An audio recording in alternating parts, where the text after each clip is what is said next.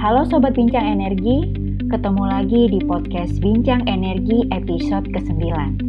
Masih dengan saya, Mada, dan co-host kita kali ini Putri. Halo Put. Halo Kak Mada, halo Sobat Bincang Energi, semoga sehat semua ya. Sobat Bincang Energi, uh, belakangan ini kita sering banget dengar tentang rencana pengembangan energi storage di Indonesia. Nah, kira-kira gimana ya tantangan pengembangannya di Indonesia? Untuk episode podcast kali ini, kita bakalan ngobrol mengenai energi storage bersama Kang Anto. Kang Anto ini sudah bekerja di Wärtsilä selama 7 tahun dan menjadi Business Development Manager untuk region Australasia, khususnya Battery Energy Storage System. Nah, Kang Anto, boleh ya dijelasin sedikit tentang storage system itu apa dan kenapa sih kita butuh storage system? Ya, uh, halo teman-teman semua, nama saya Anto. Uh, terima kasih perkenalannya. Jadi untuk energi storage ini, energi storage itu sebetulnya adalah uh, electricity storage ya. Jadi penyimpanan listrik ya untuk lebih tepatnya. Karena kalau kita bicara energi kan sebenarnya uh, energi itu bentuknya banyak ya, bahan bakar juga seperti bensin itu kan juga energi ya. Jadi kalau tangki bensin itu juga energi storage sebetulnya. Cuman di dalam uh, topik kita kali ini sebetulnya spesifik electricity gitu. Jadi listrik, penyimpanan listrik. Nah, uh, kenapa penyimpanan listrik ini uh, menarik? Jadi energi storage atau electricity storage itu sebetulnya adalah uh, suatu hal yang baru dan berkembang sangat pesat di dunia kelistrikan uh, dunia gitu. Nah itu kenapa? Jadi sebelum saya jelasin lebih banyak tentang energi storage tadi, jadi saya mau mundur beberapa langkah ke belakang. Tadi kenapa energi storage ini uh, suatu yang baru masuk ke dunia listrik dan dia kenapa berkembang pesat? Jadi mungkin uh, kita sehari-hari kan menggunakan listrik ya untuk kebutuhan uh, hidup kita sehari-hari.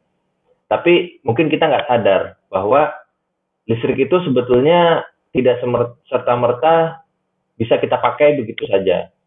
Sebetulnya perlu kualitas yang yang yang tertentu sehingga listrik itu bisa kita pakai. Nah, contohnya apa? Pertama adalah voltase. Voltase itu listrik itu dia bisa naik, bisa turun. Tidak setiap listrik itu diproduksi dia akan menghasilkan 220 volt kualitas lain diukur dari sisi frekuensi. Nah, jadi listrik itu pun dia sebenarnya seperti gelombang, dia ada frekuensinya. Itu kita juga sama bisa lihat juga kalau teman-teman di rumah punya alat itu alat-alat listrik ya. Selain 220V ya, 220 volt, itu juga tertu akan ada tertera 50 Hz. Nah, jadi 50 Hz itu 50 Hz.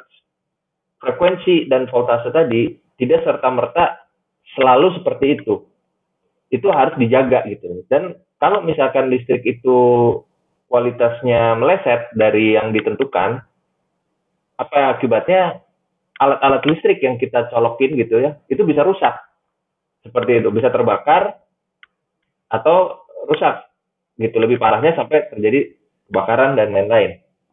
Jadi PLN selama ini dalam memproduksi listrik dan menyalurkan ke rumah-rumah itu tidak hanya ada listrik yang terproduksi banyak. Selain banyak, dia juga harus mempunyai kualitas yang sesuai dengan alat-alat listrik di Indonesia ini gitu. Yang tadi 220 volt dan juga 50 Hz. Dan dia tipe listriknya kan AC ya, alternating current, harus bolak-balik ini sama jadi di seluruh dunia yang namanya perusahaan penyedia tenaga listrik gitu ya mereka itu sebetulnya selama ini tidak hanya berkewajiban selain memproduksi listrik mereka juga harus memastikan bahwa tegangan tadi ya voltase tadi dan juga frekuensi itu sesuai dengan spesifikasinya di tempat-tempat uh, konsumen. Nah itu bagaimana cara menjaganya? Jadi listrik itu sebetulnya sangat tricky sangat uh, ringkih sebetulnya apabila antara listrik yang diproduksi dengan kebutuhan konsumen itu tidak sama, di situ akan terjadi masalah langsung. Masalahnya bagaimana? Simpelnya seperti ini, ketika listrik itu lebih banyak daripada pemakainya, itu frekuensinya dia akan naik. otomatis gitu loh. Begitu juga sebaliknya. Ketika ada ketidakseimbangan antara yang membutuhkan listrik itu lebih banyak, misalkan kita bicara nih uh, pagi hari gitu ya di Indonesia atau atau mulai malam hari aja. Orang-orang mulai menyalakan lampu, orang-orang mulai ke rumah menyalakan AC di rumah, otomatis ada lonjakan permintaan listrik. Nah, di saat itu PLN, anggaplah PLN ya, dari sisi penyedia listrik dia harus juga meningkatkan produksi itu dengan titik yang sama dengan jumlah kebutuhan. Kalau dia terlambat atau kurang, maka frekuensi itu akan turun. Frekuensi di jaringan listrik itu akan turun. Frekuensi itu kalau kurang, seperti tadi saya sampaikan, bisa merusak peralatan listrik ya, terutama peralatan listrik yang ada motornya. Seperti AC, kulkas, mesin cuci gitu ya, itu yang ada motor listrik di dalamnya atau ada dinamonya gitu itu bisa rusak. Nah itu kan dia harus bayar ganti rugi. Tapi bagi perusahaan penyedia tenaga listrik sendiri itu pun juga sebenarnya berbahaya. Kenapa berbahaya? Kalau frekuensi itu turun, itu pembangkit listrik itu pun bisa istilahnya uh, terjadi uh, tidak sinkron gitu ya di generator itu dia bisa shutdown. Jadi si pembangkit listrik itu pun bisa mati. Nah kalau misalkan pembangkit listrik ini mati, apa yang terjadi? yang tadinya sudah kurang, listrik itu kurang, ada yang mati lagi, ya tambah kurang kan? Tambah kurang lagi, jadi efek domino semakin semakin jauh gapnya gitu. Selisihnya semakin jauh antara tenaga listrik yang dihasilkan dengan yang dibutuhkan. Maka itu bisa mengakibatkan blackout atau pemadaman yang luas secara besar. Itu bencana itu hitungannya gitu loh. Dan seperti kita pernah rasakan tahun 2019 bulan Agustus ya kalau saya tidak salah sempat terjadi padam listrik di Pulau Jawa yang cukup lama itu ya lebih dari satu hari gitu. Dan itu kan recovery-nya lama ya. Nah itulah apabila terjadi masalah uh, shutdown atau atau uh, ada ada masalah yang tidak diantisipasi itu recovery itu bisa lama gitu loh. Dan itu biayanya besar, biayanya besar mulai dari pabrik-pabrik yang tidak bisa berproduksi atau rumah tangga yang mungkin ada kerusakan alat dan lain-lain seperti itu.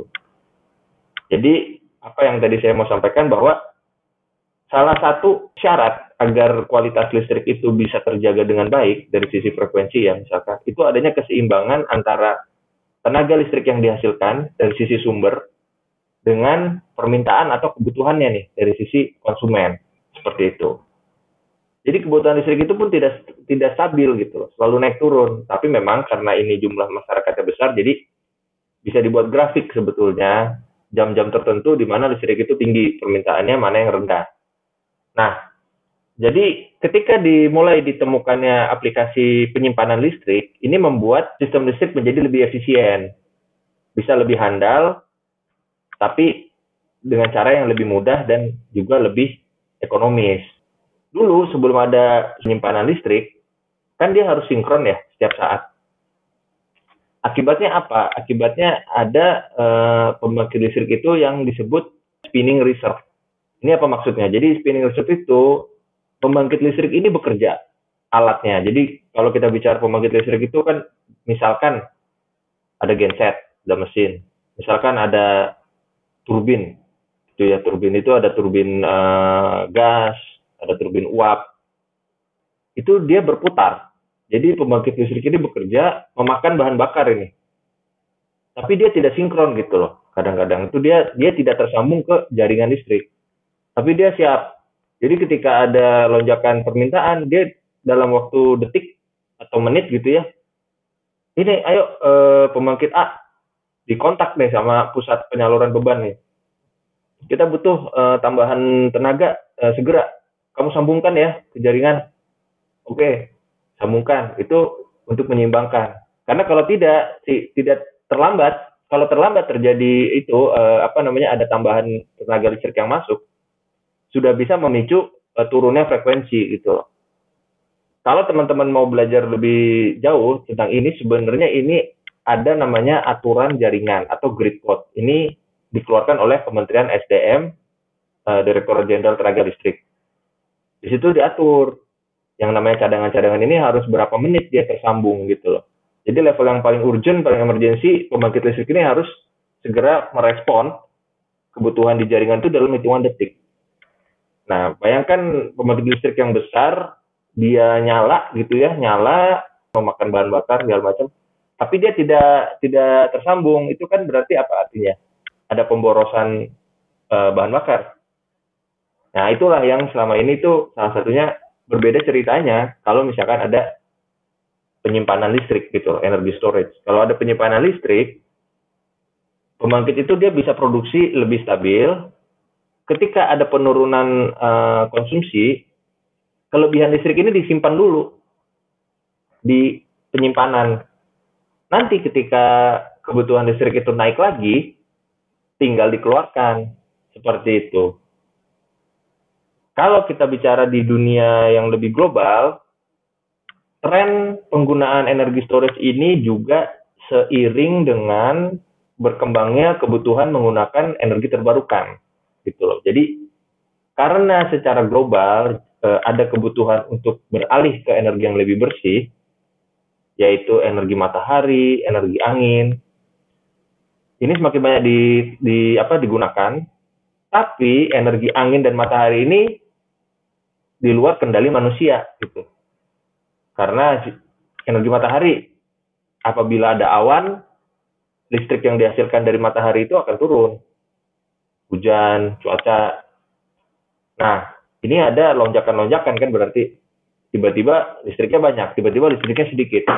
Mungkin teman-teman di rumah yang sudah menggunakan PLTS atau solar panel ya di rumahnya mungkin merasakan sendiri gitu bagaimana listrik itu yang dihasilkan tidak stabil tergantung cuaca. Sama juga dengan turbin angin ya, energi angin itu juga sama, itu di luar kendali manusia juga. Ketika anginnya berhembus kencang, ya banyak produksinya, tapi begitu juga sebaliknya. Seperti itu. Nah, itulah yang mengakibatkan uh, di dunia itu pesat pertumbuhan energi storage tadi. Yang pertama karena memang dia bisa membantu meningkatkan kehandalan di jaringan dengan cara yang efisien, lebih murah. Dan juga kedua adalah dia itu juga diperlukan ketika banyak energi matahari atau energi angin yang dipakai di jaringan listrik itu. Seperti itu. Jadi ini uh, mudah-mudahan penjelasan saya yang pertama tadi ya uh, tentang kenapa apakah itu energi storage dan kenapa dia dibutuhkan. Nah, tadi kan sudah dijelaskan ya, kalau untuk sistem kelistrikan perlu diseimbangkan antara kebutuhan beban dengan besarnya pembangkitan. Nah, selain itu juga uh, kalau tadi Kang Anto sudah menjelaskan juga kalau kita bicara renewable energy ini hampir sebagian besar kan bersifat intermittent, di mana pembangkitannya fluktuatif atau tidak konstan di setiap waktu. Nah, untuk mengatasi intermitensi tersebut, salah satu caranya adalah dengan menyediakan storage system sebagai penyimpanan energi untuk menjamin kehandalan juga ya tadi ya Kang ya. Terus bisa dijelaskan nggak ya Kang ya atau uh, mungkin menurut Kang Anto uh, apa aja sih jenis-jenis storage yang ada nih sekarang gitu? Baik, terima kasih Putri. Uh, jenis-jenis uh, energi storage itu uh, ada banyak sebetulnya. Jadi karena memang problem bagaimana menyimpan listrik ini suatu yang apa ya bikin para ilmuwan itu penasaran dari dulu gitu loh. Sehingga solusinya juga ada banyak sebetulnya. Uh, jadi kalau teman-teman googling atau uh, di YouTube gitu ya itu mulai dari uh, saya kasih contoh dulu yang paling simpel dan mungkin nanti kita akan bahas lebih banyak adalah soal battery battery energi storage ya. Jadi listrik itu disimpan di dalam bentuk baterai.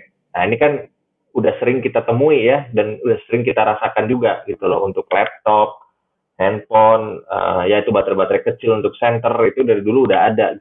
Bedanya apa sih sama baterai yang untuk di jaringan listrik?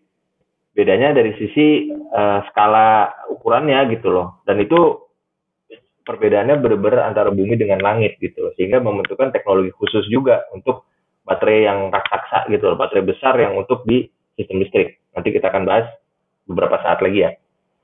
Contoh lain, menyimpan uh, energi itu dalam bentuk ada yang namanya disebut dengan uh, air, bendungan air gitu atau istilah teknisnya itu pump storage. Jadi uh, penyimpanan dengan cara pemompaan air.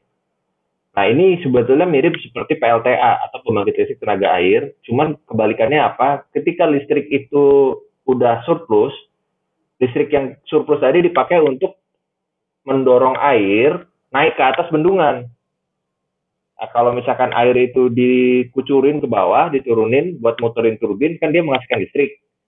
Nah ini ini dia bisa uh, dua arah gitu loh. Jadi ketika airnya uh, listriknya lagi banyak, dipakai untuk pompa air ke atas. Nanti kalau ke, di sistem itu ada kekurangan listrik, dia diturunin lagi airnya buat muterin uh, turbin seperti itu. Ada juga yang disebut uh, uh, uh, air uh, liquid air storage. Jadi liquid air storage itu adalah mencairkan udara. Jadi ketika ada surplus listrik, surplus listrik ini dipakai untuk memutar kompresor segala macam peralatan untuk membuat udara itu menjadi sangat dingin. Saking dinginnya dia berubah wujud jadi air. Uh, bukan air, jadi cairan gitu loh. Liquid air. Jadi udara tapi dalam bentuk cair itu saking dinginnya gitu. Nanti kalau misalkan ada kebutuhan listrik, si udara yang dalam bentuk cair tadi itu dipanaskan.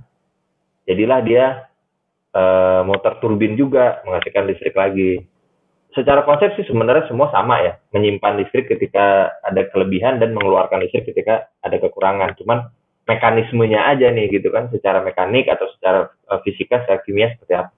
Cuman yang banyak berkembang di dunia ini adalah battery storage dan juga uh, pump storage.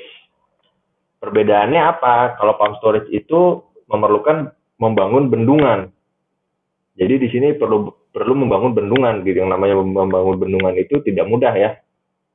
Dan karena biayanya mahal, biasanya itu ukurannya harus besar. Kalau enggak jadi tidak impas gitu loh secara keekonomian. Nah ini di Indonesia sekarang ini lagi mulai dibangun sebetulnya di Cisokan. Gitu. Di Cisokan itu ada akan ada fasilitas penyimpanan energi itu energi storage pump pump storage gitu.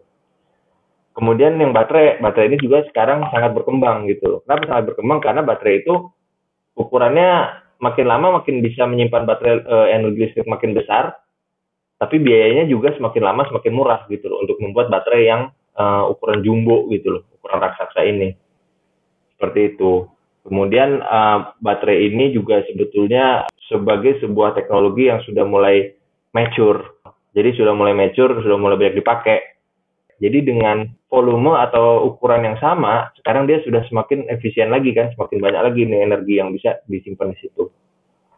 Kemudian ada uh, unsur lain yang disebut dengan uh, istilah teknisnya adalah round trip efisiensi. Jumlah listrik yang bisa diambil lagi nanti tidak sama seperti kelebihan listrik di awal. Nah, di antara beberapa teknologi ini juga itu jadi salah satu faktor mana yang round trip efisiensinya juga baik.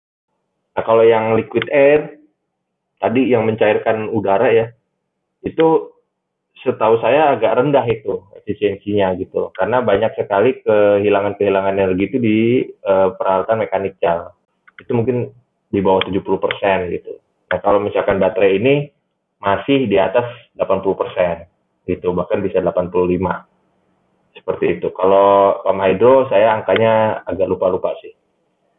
Wah, berarti banyak juga ya jenis-jenis storage-nya. Dan memang perkembangan teknologi dari setiap storage juga punya timeline yang berbeda ternyata. Nah, uh, tadi juga mungkin sudah disinggung sedikit oleh Kang Anto gitu ya, tantangan dari, uh, tiap-tiap storage itu berbeda, uh, dan itu biasanya didefinisikan sebagai tingkat efisiensi ya. Jadi kit biasanya kalau storage kita mengambil efisiensi yang paling tinggi, kira-kira seperti itu ya, Kang, ya. Nah, tadi kalau boleh nih sedikit dijelaskan lagi gitu Kang. Kalau di Indonesia sendiri tadi juga sebenarnya sudah sempat dibahas bahwa uh, primadonanya itu masih baterai ya Kang ya. Betul ya? Agak tricky menjawabnya nih karena pertama gini, kalau di dunia global jelas uh, baterai storage ini yang paling pesat perkembangannya gitu. Karena dia uh, tidak perlu lahan yang luas, Kemudian dia juga ukurannya cukup fleksibel nih untuk uh, ukuran yang uh, 2 megawatt hour gitu sampai ke yang 4 200 megawatt hour, 100 megawatt hour itu masih bisa. Jadi ukuran pun fleksibel seperti itu. kalau di Indonesia mana yang berkembang nah terus terang di Indonesia ini energi storage ini masih barang baru benar-benar baru benar-benar hampir bisa dibilang sebetulnya belum mulai diimplementasikan gitu loh. Kecuali tadi yang saya bilang proyek Cisokan. Dia pump storage itu sedang dibangun. Seperti itu. Untuk baterai storage sendiri ada tapi baru ada tuh baterai-baterai yang sangat-sangat kecil. Istilahnya itu baterai itu dipasang bukan oleh pemilik jaringan gitu loh. Baterai itu dipasang mungkin di, di beberapa tempat aja yang ada PLTS tapi ukurannya sangat kecil bahkan tidak sampai satu megawatt hour gitu. Jadi sangat-sangat kecil gitu. Nah uh, sebagai contoh ya rumah itu kan rata-rata rumah itu sekitar 1100 atau 1200 1300 PA ya. Nah itu kan berarti sekitar 1,2 kilowatt. Jadi 1200 watt gitu ya. Kalau mega itu kan juta ya. Jadi satu megawatt hour itu setara seperti ada seribu rumah gitu loh. Seribu rumah dalam satu jam. Untuk kebutuhan listrik satu jam tapi ada seribu rumah gitu loh. Jadi kalau kita ngomongin jaringan listrik itu skalanya sudah megawatt hour gitu loh. Megawatt hour bisa puluhan megawatt hour sampai ratusan gitu loh. Bahkan ya tergantung sistemnya yang kita mau bahas sistem seukuran apa gitu. Kalau baterai energi storage jadi di Indonesia terus terang belum ada. Tapi kajiannya sudah sudah banyak sudah banyak dilakukan Cuman penerapannya memang uh, di, di jaringan listrik belum. Sudah ada beberapa rencana proyek yang saya tahu meng menggunakan juga energi storage ya bersama dengan PLTS misalkan. Tapi belum uh, belum terlaksanakan dengan apa belum dikonstruksi proyeknya gitu yang yang skala megawatt hour ya. Kenapa ini belum terlaksana di Indonesia? Ini uh, sepertinya ya, saya juga bukan orang PLN, jadi nanti bisa didiskusikan juga kalau suatu hari nanti ada narasumber dari PLN. Tapi yang saya dapat juga info bahwa PLN sudah melakukan kajian dan menemukan potensi untuk penerapan energi storage. Tapi konsekuensinya ketika dia menggunakan energi storage, karena dia itu lebih murah, lebih efisien untuk untuk menjaga kestabilan atau kehandalan jaringan, nanti akan ada pembangkit-pembangkit yang tadinya itu dia running untuk standby gitu ya atau dia itu uh, standby untuk nanti di, dibutuhkan listriknya untuk menyeimbangkan tadi itu jadi tidak terpakai gitu. Nah, sedangkan uh, beberapa pembangkit ini dia punya kontrak take or pay. Take or pay itu artinya mau itu dipakai atau enggak listriknya PLN harus tetap bayar ke si perusahaan ya pemilik pembangkit tadi itu yang ini yang swasta ya misalkan yang swasta. Tapi banyak juga sih yang swasta yang yang dimiliki oleh selain PLN itu dan memiliki take or pay. Atau pembangkitnya tidak take or pay tapi bahan bakar untuk pembangkitnya yang take or pay seperti itu. Jadi PLN memiliki pembangkit listrik dengan menggunakan gas. Gasnya dia beli ke siapa gitu loh Nah gasnya ini konsekuensinya juga ada konsumsinya juga take or pay. Jadi kalaupun gasnya nggak dipakai, tetap dia harus bayar sejumlah nilai tertentu sesuai kontraknya. Nah kendala-kendala seperti ini yang masih uh, membuat penerapan battery storage itu belum terlaksana sampai saat ini di PLN. Itu satu. Nah yang kedua, kalau misalkan diberi kesempatan kepada swasta untuk membangun energi storage, ini regulasinya belum ada di Indonesia saya ambil contoh di Filipina. Kalau di Filipina itu, ketika sebuah perusahaan swasta itu membangun fasilitas energi storage, itu dia mendapatkan pembayaran bisa fix uh, tarif. Fix tarif itu jadi sewa, bukan sewa sih, tapi dia dibayar misalkan setiap bulan dia dapat pembayaran sekian dolar atau sekian rupiah gitu ya itu nanti kalau misalkan kapasitas jadi ada tabelnya gitu. Kalau dia kapasitasnya rendah maka dibayar sekian dolar per bulan. Kalau kapasitasnya lebih besar pembayarannya lebih besar lagi misalkan. Nah model tarif yang seperti ini di Indonesia ini belum dikenal belum belum ada gitu, di dalam sistem listrik Indonesia. Karena selama ini biasanya ketika swasta itu membangun uh, listrik itu dia dibayar sesuai dengan listrik yang dibeli PLN. Jadi dia me menyalurkan listrik berapa kilowatt hour atau megawatt hour. Nah, itu dikali dengan harganya per megawatt hour tadi gitu atau kilowatt hour tadi. Jadi tidak fixed rate gitu loh. Nah untuk fixed rate ini belum ada regulasinya di Indonesia, belum dikenal. Jadi inilah yang membuat di Indonesia energi storage itu sampai saat ini belum uh, di jaringan listrik yang besar ya, itu belum ada. Walaupun kajiannya sudah ada secara teknis, secara teknologi itu sudah dilihat manfaatnya, tapi untuk penerapan kan tidak cukup dari sisi teknis ya, dari sisi hukum, legal, dari sisi komersial, dan lain-lain seperti itu yang masih belum memungkinkan saat ini. Tapi peluangnya sebenarnya sangat besar karena apa? Salah satu bahan baku untuk membuat baterai ini adalah nikel. Ini banyak sekali cadangannya di Indonesia. Sehingga pemerintah juga membangun yang namanya Indonesia Battery Corporation. Jadi Indonesia Battery Corporation ini sebetulnya kepemilikannya terbagi empat, PLN, Pertamina, Antam, sama Min ID. Nah, Indonesia Battery Corporation ini ini bertujuan nantinya ya bisa menjadi salah satu entitas eh, lokal Indonesia yang memproduksi baterai. Karena memang baterai ini akan menjadi bisnis yang menjanjikan di masa depan. Nah, saya mau ambil contoh juga di Singapura. Di Singapura itu saat ini ada pilot project. Jadi di sana mereka install energi storage ini baterai energi storage ukuran kecil kalau nggak salah dua atau tiga megawatt hour. Pilot project ini dibangun mereka menggunakan dua perusahaan yang berbeda yang diadu gitu loh untuk dilihat performancenya. Nanti mana yang lebih baik akan diberikan project sebesar 300 megawatt hour gitu loh. Jadi mereka buat pilot project dulu, kemudian lihat performancenya, baru nanti mereka install full size-nya gitu ukuran sebenarnya yang 300 megawatt hour gitu. Sedangkan kalau proyeknya cuma 2 megawatt hour atau 3 megawatt hour. Tadi yang sudah dijelaskan Kak Anganto cukup jelas sekali ya bahwa sebenarnya implementasi penggunaan energi storage di Indonesia itu masih menyatu dari segi pembangkitnya dan kalau kita eh, dengarkan tadi di Indonesia ini ada dua yang sudah di akan mungkin ya yang akan diimplementasikan ya kalau kita tahu mungkin kalau baterai gitu sekarang sudah banyak, uh, diimplementasikan tapi masih menyatu dengan pembangkitnya ya Kang ya. Jadi memang masih untuk pembangkit-pembangkit yang bersifat intermittent. Sedangkan yang kedua tadi, eee, kalau kita dengarkan itu ada storage pump storage ya, Kang, ya, di mana menyimpan energi hydro yang mungkin sekarang kalau nggak salah yang dikembangkan di Cisokan itu kerjasama dengan World Bank ya kalau tidak salah. Baru dua itu mungkin ya, Kang, ya, sejauh ini? Iya, betul. Dan saya perlu garis bawahi bahwa yang pertama tadi yang disebut Putri itu itu masih baterai yang sangat-sangat kecil, yang bu, uh, bukan uh, storage yang skala uh, sistem listrik, uh, jaringan listrik yang besar gitu. Yang banyak kita bahas di podcast ini yang di awal tadi sebetulnya manfaat-manfaat tadi untuk membantu jaringan listrik untuk lebih handal itu perlu energi storage skala jaringan yang skala besar skala, skala besar ya. Iya. Iya.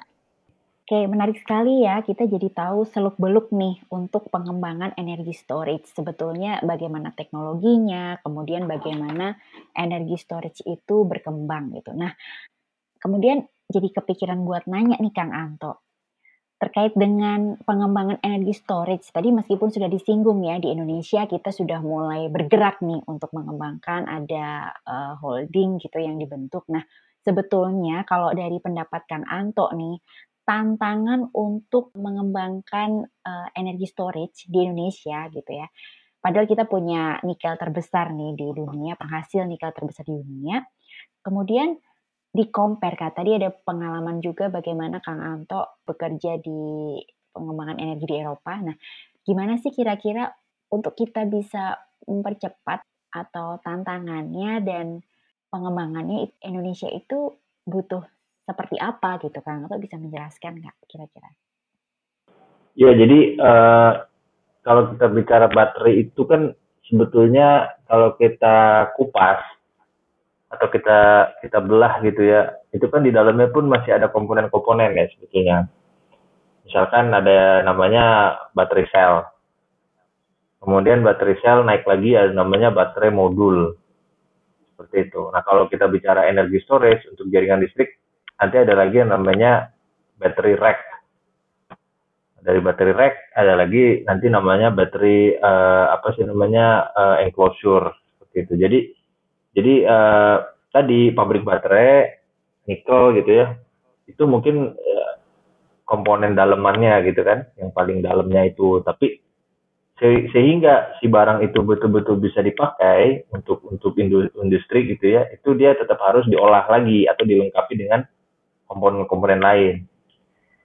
Nah ini desainnya dan juga produksinya itu nanti tergantung aplikasinya untuk apa. Karena untuk electric vehicle untuk kendaraan listrik tentunya berbeda dengan untuk jaringan listrik. Jadi untuk Indonesia sendiri sebetulnya memang uh, apa sih namanya untuk energi energi storage ini kalau pertanyaannya seperti Kak Mada itu the devil is in the details gitu. Jadi sebetulnya masih banyak detail-detail lain yang harus kita kuasai sebetulnya untuk bisa produk baterai itu bisa dipakai dengan manfaat yang besar. Jadi tidak bisa satu pabrik terus dia memberikan produk baterai yang bisa dipakai di mana aja. Nah, itu dia pun nanti harus didesain lagi jadi setiap produsen-produsen baterai itu sekarang itu juga mereka memiliki uh, racikan atau resep sendiri gitu kan beda-beda. Setiap setiap merek baterai itu mereka komponen kandungan di dalamnya itu beda-beda. Dan juga perakitannya juga beda-beda lagi gitu ya. Itu kan wajar ya namanya produknya seperti itu ya. Jadi apa yang harus dilakukan di Indonesia sebetulnya dari sisi teknologi pertama masih banyak yang harus kita pelajari nih dari cara memproduksi baterai tadi dari bahan baku sehingga dia menjadi baterai sel itu stepnya apa aja. Jadi masih banyak uh, secara teknologi yang yang selain kita punya bahan bakunya untuk memproduksinya pun kita masih memerlukan knowledge dan teknologi. Pun untuk aplikasinya masih ada kelengkapan-kelengkapan lain yang perlu kita kuasai juga. Ditambah lagi dari sisi regulasi dari sisi kebijakan di pemerintah supaya merecognize atau mengenal manfaat dari teknologi ini sehingga ada dasar hukumnya, ada regulasinya, ada frameworknya untuk untuk uh, apa nanti pembiayaannya seperti apa, aturan-aturannya seperti apa, sehingga itu bisa diterapkan. Ya, menarik sekali ya. Kita sudah tahu uh, bahwa ternyata untuk pengembangan ke depannya kita bisa bilang PR-nya masih banyak, tapi bukan berarti kita tidak bisa mencapai ke sana gitu. Nah, sebelum kita akhiri nih Kang Anto, mungkin ada closing statement dari Kang Anto pesan gitu untuk sobat bincang energi yang tertarik dalam uh, pengembangan teknologi energi storage di Indonesia. Ada nggak pesan-pesan untuk uh, sobat bincang energi? Untuk teman-teman yang tertarik untuk uh, energi storage itu sangat bagus. Saya jadi saya sangat dukung gitu ya dan karena apa? Karena secara pribadi mungkin teman-teman nanti akan memiliki prospek bekerja nggak cuma di Indonesia nih. Karena energi storage ini di luar negeri ini, di dunia global ini berkembang sangat pesat, luar biasa pesatnya gitu, disruptif lah.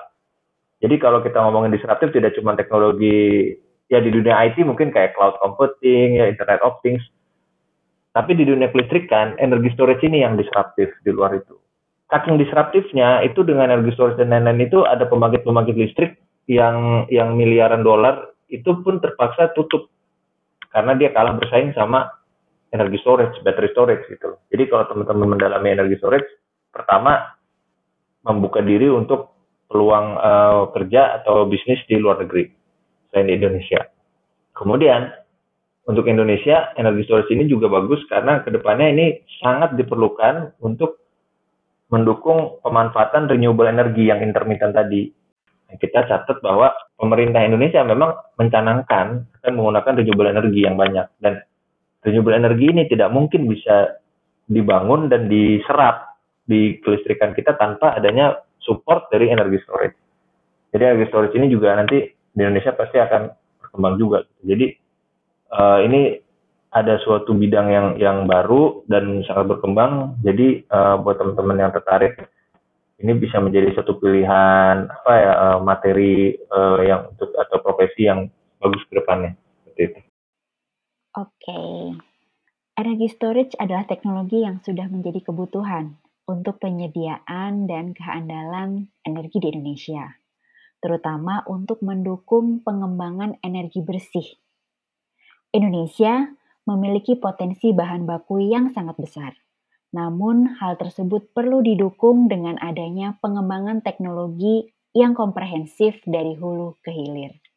Terima kasih Kang Anto dari Watsila untuk sharingnya.